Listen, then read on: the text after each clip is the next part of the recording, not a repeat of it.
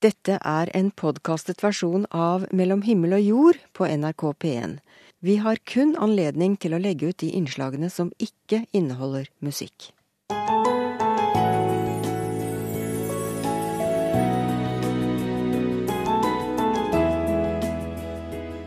Jeg var avhengig av pornografi. Jeg prøvde å slutte å se på det, men, men klarte det ikke. Og da opplevde jeg da i møte med mine venner, eh, og spesielt i krisemiljøet, så opplevde jeg at det var ikke rom for meg.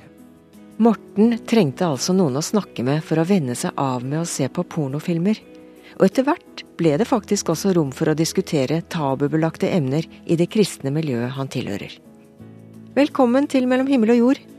Jeg heter Miriam Wiklund, og i dag skal vi snakke om flere ting som for noen kan føles som tabubelagt. F.eks tidlig demens. Når han eh, endelig fikk diagnosen, så var det en lettelse både for ham og for meg, altså. Det var det, for da kunne vi snakke om det. Og da kunne jeg også si nei, du tar feil, vet du Martin. fordi eh, du har jo en sykdom i hjernen. Det er Alzheimers sykdom. Vi skal også innom en bok som forteller hvordan gravferder kan foregå hvis man velger vekk kirkens ritualer. Når en av dine nærmeste dør, da er det godt å kunne lene seg på andre for råd og veiledning. Men hva hvis du ikke tilhører noe trossamfunn? Hvem hjelper deg da? Vi har møtt Ragnhild Bugge, som har skrevet en bok som hun ønsker å være til hjelp med i denne en av livets aller mest vanskelige stunder. Det er noen som eh, kaller tiden fra eh, dødsfallet skjer til begravelsen eh, kommer, for den underlige uka. Og det tror jeg er ganske talende. Det, det, man kanskje ikke er forberedt på, det er at man blir så overmannet mange. Det er vanskelig å holde oversikten. At det strømmer på tanker og følelser og bekymringer og, og alt mulig på en gang. Det er vanskelig å sortere og finne ut alt sammen. Og nettopp denne tida vil Ragnhild Bugge prøve å være til hjelp med. Som gravferdstaler i Human-Etisk Forbund møter hun stadig mennesker med mange spørsmål rundt det med gravferd og begravelse. De fleste mennesker opplever jo dødsfall i nærmeste familie før eller siden. Men det er ikke noe som eh, skjer veldig ofte. Det er ikke noe man er veldig vant til. Folk har en lang, lang rekke med spørsmål. De er usikre, de er rådville. Det er ikke gitt hvordan de skal løse de problemene som skal løses. Og da hun ikke kunne finne noen bøker om dette temaet som ikke var knytta til ei bestemt tru, fant hun ut at hun skulle skrive ei bok sjøl. Resultatet er boka Siste farvel, ei praktisk bok om dødsfall, gravferd og veien videre. Noe av vitsen med boken er å vise hvilke muligheter som fins, og at det ikke er noen gitte løsninger. Altså det er eh, mye å ta stilling til, og mange vurderinger man kan ta. Så jeg tror det er noe med å vise bredden som, som eksisterer. For av de rundt 42 000 gravferdene som foregår i Norge hvert år, så er godt over 90% av dem i regi av Den norske kirke. Ragnhild ønsker å informere om hvilke andre alternativ som finnes for dem som ikke nødvendigvis tror på et liv etter døden. At uh, kristne, troende mennesker finner håp i evig liv og mulighetene til å møtes igjen og sånn, er jo helt greit. Det som kanskje kan være litt problematisk, det er jo alle de som egentlig ikke tror på dette, men som uh, velger uh, kristen begravelse likevel. Men når du skal forberede en humanistisk tale, hva vektlegger du da? Altså Det sentrale i våre taler det er eh, fokus på avdøde, der vedkommende står i sentrum. Veldig mye av talen går jo ut på å fortelle om dette mennesket, trekke frem eh, typiske sider ved det, livsløpet, hva vedkommende sto for, hva som ga mening i vedkommendes liv osv. Så sånn. Tanker om eh, liv og død som gjør at eh, livet har mening eh, også uten, uten at det er noe gudstro inne i bildet. Ragnhild ønsker ikke å bare skrive en bok som kan hjelpe med praktiske valg. Hun har også tatt med en del dikt i boka som hun håper kan være til trøst og ettertanke. Synge en salme må i, men kun hvis jeg tror på salmer. Og vil jeg glede meg aller mest, så skal jeg synge Dina. Og ingen prest skal predike og få min mor til at grede. Hva skal det til? Da jeg levde, gikk jeg jo aldri i kirke. Det er veldig mange som snakker om eh, døden som tabu. Jeg eh, oppfatter ikke at eh, døden er et tabu. Det er vel heller et tema i tiden, vil jeg tro. Så var det nok en periode hvor døden ble mer og mer et tabu. Men det er ganske lenge siden det begynte å forandre seg. At folk på en måte begynner å ta døden tilbake, om du kan bruke sånt, sånt ord. Men det som er ganske sikkert, det er at om det ikke er tabu, så er det vanskelig. Altså døden er veldig vanskelig. Og det tror jeg alltid den har vært. Men kan det skje at et dødsfall kan ha en positiv effekt? Ja, det, det kan det jo utvilsomt. Det er jo samme som når, når, noen mennesker eh, får vite at de er alvorlig syke, så sier de ofte at det forandre livet deres og endre synet på hva som er viktig og mindre viktig og sånne ting. Og det samme vil jo skje gjerne ved, ved et eh, dødsfall. Og ja, altså livet får en annen dimensjon som, eh, som eh, har positive sider ved seg. Det, det vil nok veldig mange oppleve. Hvilken dimensjon er det snakk om da? Ja, det er på å si, det er mer mellom himmel og jord. Det som er viktig i dagligdagen, er plutselig ikke så viktig lenger. Altså det blir f.eks. dette med eksistensielle spørsmål som eh, man kanskje ikke går rundt og tenker på vanligvis. De får større plass. Altså det blir mer refleksjon, mer tanker rundt eh, liv og død. Eh, hvorfor lever vi? Hva skal vi? Hva vil vi? Hva hva ønsker vi å bruke tiden vår til, osv. Så sånn. Men dette vil jo arte seg helt forskjellig fra person til person og fra familie til familie. Det fins jo ikke noe fast måte som, eh, som folk håndterer dette på. Det som også kan være positivt, det er jo at eh, de som er tilbake, kan oppleve en annen type samhold enn de gjør til daglig. Det heter seg jo at eh, en del slekter altså de treffes i grunnen kun i forbindelse med gravferder. Bare av den grunn så, så har jo slike arrangementer en eh, viktig funksjon. Og sjøl om Ragnhild presiserer at hun ikke er en fagperson innenfor sorgarbeid, virker det som om boka har truffet sin målgruppe. Ja, jeg har fått eh, mye hyggelige tilbakemeldinger. Mye enkeltpersoner da, som tar kontakt og setter pris på at boken har kommet, så vidt jeg skjønner.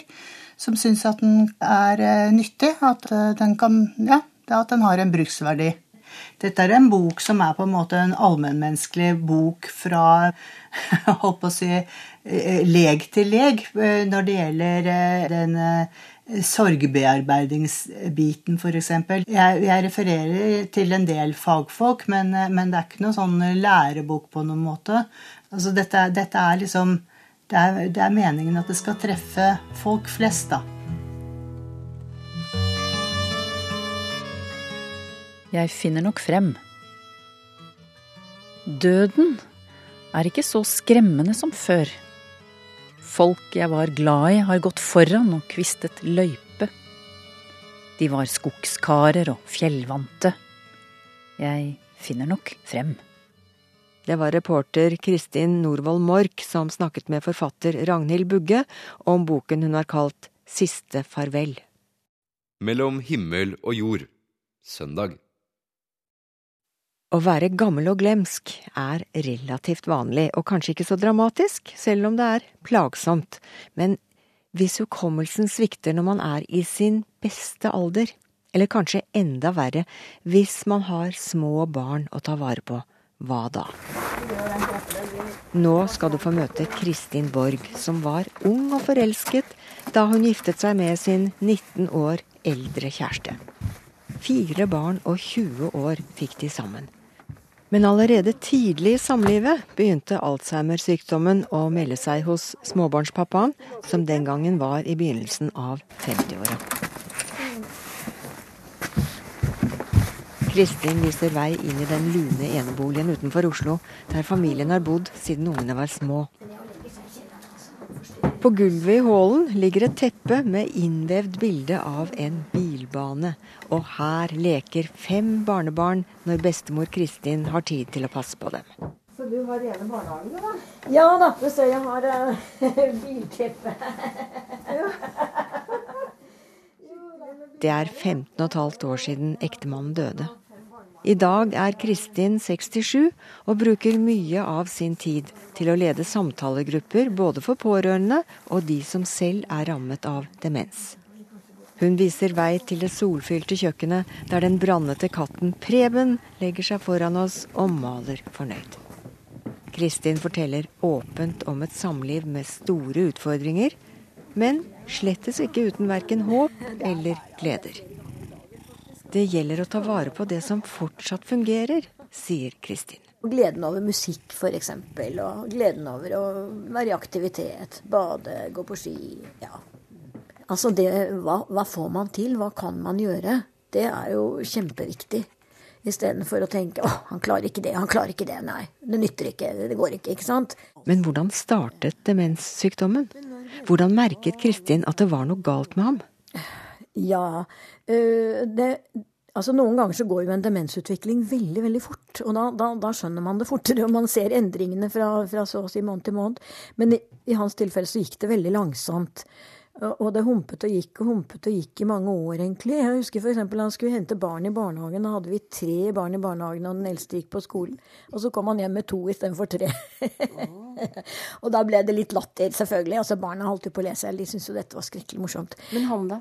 Han lo selv òg. Nei, uff, at det går an å være så distré, ikke sant. Og så kjørte han tilbake til barnehagen og hentet den siste, da. Men selv om det ble litt latter ut av det, så er det jo et tegn på at noe er galt. Han var jo i lektorjobb og eh, kunne f.eks. komme hjem en time for tidlig. Så sier jeg 'er du her allerede'? Ja, jeg slutter tidlig på onsdag. Ja, men i dag er det tirsdag. ikke sant? Lærere har jo forskjellig timeplan hver dag. Så, så det også ble vanskelig, og det å finne riktig klasserom, og han klaget mye over det. at eh, det, jobben stresset ham, altså, så han var jo egentlig i jobb altfor lenge. Det, ja. Dette er mange år siden, sånn at det tok veldig lang tid å få en diagnose. Heldigvis så går det fortere i våre dager. Men hvor dement må man være før man kan på en måte innse at det er det man lider av? Ja, altså Min mann han eh, skjønte nok selv at det var noe, og det var jo derfor han på en måte isolerte seg og sånn. Også han kunne f.eks. sitte i timevis i et hjørne av stua og legge kabal. Hvilket jeg følte var veldig provoserende, for det var nok å ta fatt på liksom med fire unger og sånn. ikke sant? Men, men det, er, det, var jo sikkert fordi han følte at ting glapp for han. Eh, og, og han hadde jo en rekke nederlag. Han hadde jo pleid å være en meget handy mann, f.eks. Og uh, kunne sitte ved symaskinen og lappe bukser til ungene, og det var jo fint at han gjorde det. Uh, og plutselig så hadde han sydd tvers igjennom, da, så du ikke får foten inni, og så var det selvfølgelig en drittsymaskin, ikke sant. Det, han skyldte jo på det, da.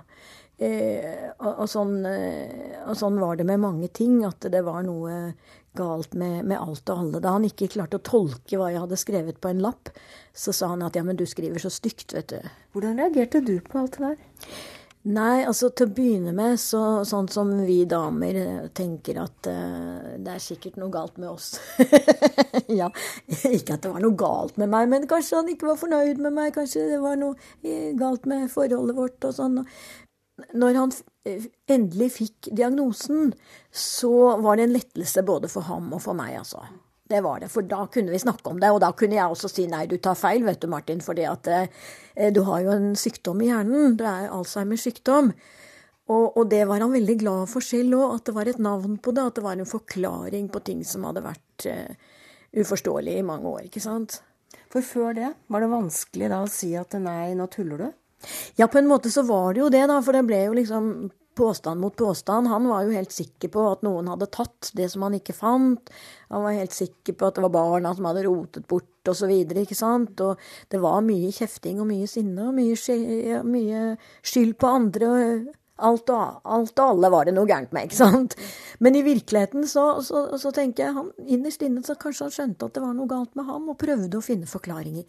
Og det er naturlig, altså. Det ville jo vi gjort òg, hvis vi plutselig ikke klarte noe vi alltid har klart.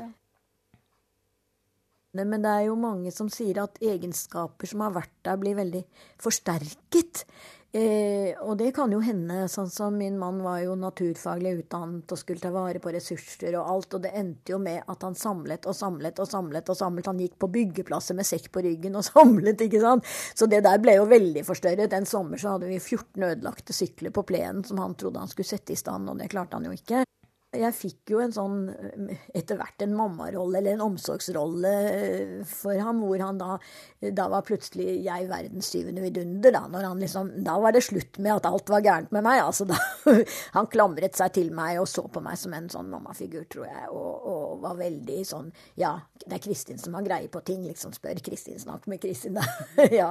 Så, så, jeg følte jo at jeg hadde en, en jobb å gjøre, da. At det var viktig for meg å, å fortsette det er jo ikke til å komme forbi at det er trist å se en sykdom som ja, Hva en sånn sykdom gjør med et menneske. Altså, du blir jo gradvis redusert.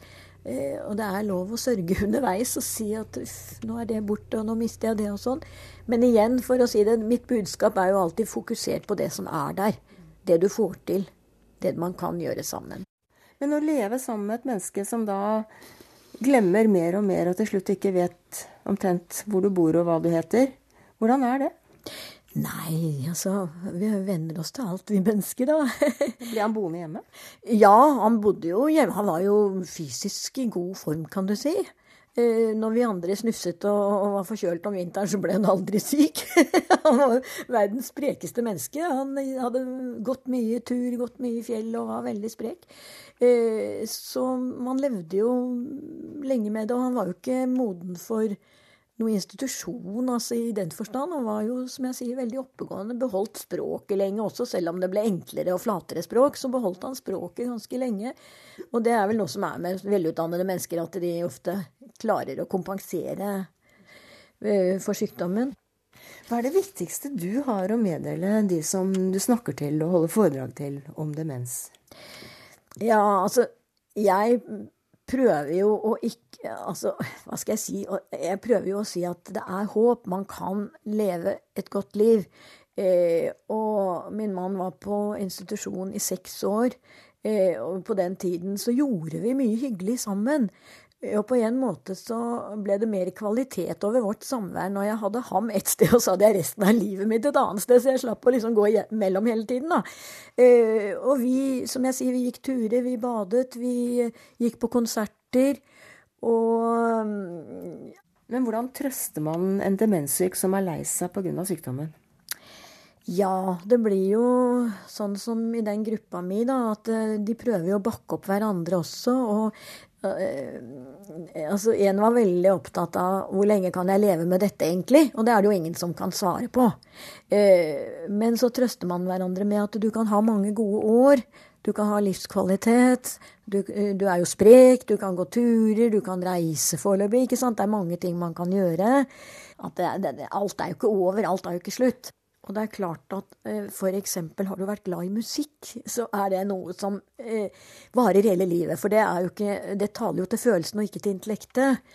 Eh, og så disse som nå går i gruppa hos meg, da, de er veldig opptatt av at de skal mosjonere. Hjelper det? Eh, altså, det påstås det at det kan bidra til å, å, å, å at sykdommen tar lengre tid før du blir riktig dårlig. Og i min manns tilfelle så stemte jo det, for han kunne gå og gå og gå og gå og gå og gå og var veldig fysisk sprek. Jeg tok han også med på bading. Eh, et, også etter at han var kommet på sykehjem, så gikk vi i varmt basseng og det hadde han kjempeglede av. altså Det varme vannet løser opp disse stivhetene. De blir, det går jo utover det muskulære etter hvert også, ikke sant? Nå har du fulgt mannen din i tykt og tynt da, i hvor mange år? Ja, det ble da minst 20. Gjorde det. Og hadde noen fortalt meg det at eh, det var sånn det skulle bli, så hadde jeg jo sagt kanskje at det tror jeg ikke jeg kommer til å gjøre, men så tar man den, og så tar man den, og så tar man den, ikke sant? så hendte ikke at du ble irritert og sint, da? Jo, og særlig før man skjønte hva det var, ikke sant. Hvor jeg liksom ble litt oppgitt hvor han meldte seg ut og gikk sin vei og i det hele tatt sånn. Så kunne jeg jo bli ja, oppgitt og irritert og litt sånn. Men, men når du skjønner at det er sykdom, så, eh, så, er jo det en forklaring. Men igjen, jeg pleier å si til pårørende altså, at det er lov å bli sint hvis du har fått det samme spørsmålet 50 ganger. Det er lov å si at 'det har jeg jo sagt', men det hjelper jo ikke noe. ikke sant? Da er det bedre å løpe en runde rundt huset eller finne på noe annet. Og jeg sier også til pårørende de må sørge for å skaffe seg noen demensfrie soner. Altså, Se pensjonistektepar i går oppi hverandre 24 timer i døgnet. Det er tøft for den som er frisk, det, altså. Det er det.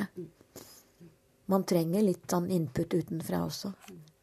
Men det som er viktig, er jo at de ikke bare får diagnose og så sendes liksom hjem til det store intet, men at de følges opp etterpå. For det er jo selvfølgelig det er en alvorlig diagnose å få. Det er det. Og, de er jo ikke syke nok til at de skal verken på dagsenter eller sykehjem, men de er, øh, de er, i en situasjon hvor de trenger oppfølging. Så det, det er veldig viktig for meg å få sagt, altså.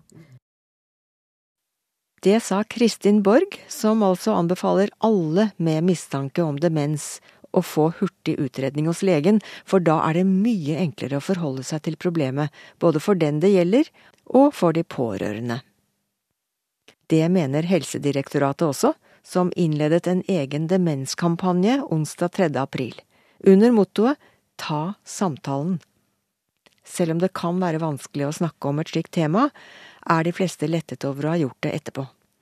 Mange spørsmål melder seg både om sykdomsforløp, behandling og livskvalitet, og da kan det være godt å finne støtte i både hjelpeapparat og samtalegrupper. Mellom himmel og jord i NRK P1. Porno og pølser.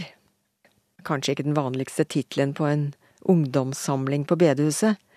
Men da Morten Eikli og Karl Johan Kjøde første gang inviterte til talkshow-konseptet Tabutorsdag, da var temaet porno og servering av pølser. Å sette tabu på menyen var nemlig noe de brant for. Vi starta det opp fordi vi hadde opplevd nettopp det at det var temaer som vi ikke snakka om i, i, kirka, og vi opplevde det som helt galt, at det var ting vi ikke turte å sette fokus på. Og da fant vi ut at Tabutorsdag var en god måte å gjøre det på. Å kunne snakke om ting på en, på en god og ordentlig måte, og i rammer som kan være en måte å skape videre samtale om det også, da. Første Tabutorsdag handla om porno. Talkshow-konseptet på en scene i Storsalen menighet i Oslo samla 40 stykk. Siden har de blitt flere og flere for hver tabutorsdag. Da de tok opp temaet homofili to år senere, møtte opp 600 mennesker. De hadde tydeligvis truffet en nerve. Folk reagerer med i aller høyeste grad takknemlighet. Jeg har fått veldig lite negative tilbakemeldinger på det vi har gjort. De som har kanskje vært negative, har så kommet på en kveld, og så blitt positive til det vi holder på med. Hvor virkelig folk skjønner hjertet bak at det handler om at vi vi vil skape ærlighet om det, og vi vil komme med, med, tanker om hva vi mener er rett, men det er ikke det som er Altså, hver kveld handler ikke om et rett og galt, det handler om dette her er noe vi må snakke om. Sånn som når vi hadde om eh, homofili, som er et eh, veldig sterkt debattert eh, tema i kristne kretser, så var det viktig for oss at vi kunne møtes på tvers av syn og ha en mer god samtale uten den harde debatten, men også prøve å få belyst flere sider av en sak også. Da. Men hva er vanlige tabuer i det kristne miljøet? Jeg tenker mange av tabuene er, eh, er mye av de samme, men alt ifra på en måte pornografi, alkohol, sex før ekteskapet, sex etter ekteskapet, seksuelle overgrep snakker man ikke om, helvete, ikke minst, er et tema som vi kanskje burde snakke mer om. Det er en lang liste med ting vi ikke snakker om, og mye av det er er generelt i samfunnet, og så er det noe som må da bli litt mer kristenspesifikt, da. Og det må være ærlig om at det er en del ting som er tabu i kristne sammenhenger, fordi det er knytta mest skam til det. Det er veldig mye du skal få til, og da blir det knytta skam, skam i det, og så blir det da lettere at vi ikke snakker om det, enn å faktisk gjøre det, da men man må, og det er der vi kristne tror på denne nåden, som er det at du kan komme til Gud med hele deg, med både dine styrker og svakheter, og oppleve å bli akseptert. Men så har vi da klart å snu på dette her inn i våre miljøer, sånn at vi klarer å skape et veldig sterkt innenfor og utenfor, når vi ser da i Jesus sitt liv at han var jo helt motsatt på det. Og det, der har vi veldig mye vi må få endra på Det har jo blitt sagt om kristne at de tror at de er bedre enn oss. Ligger det noe i det der?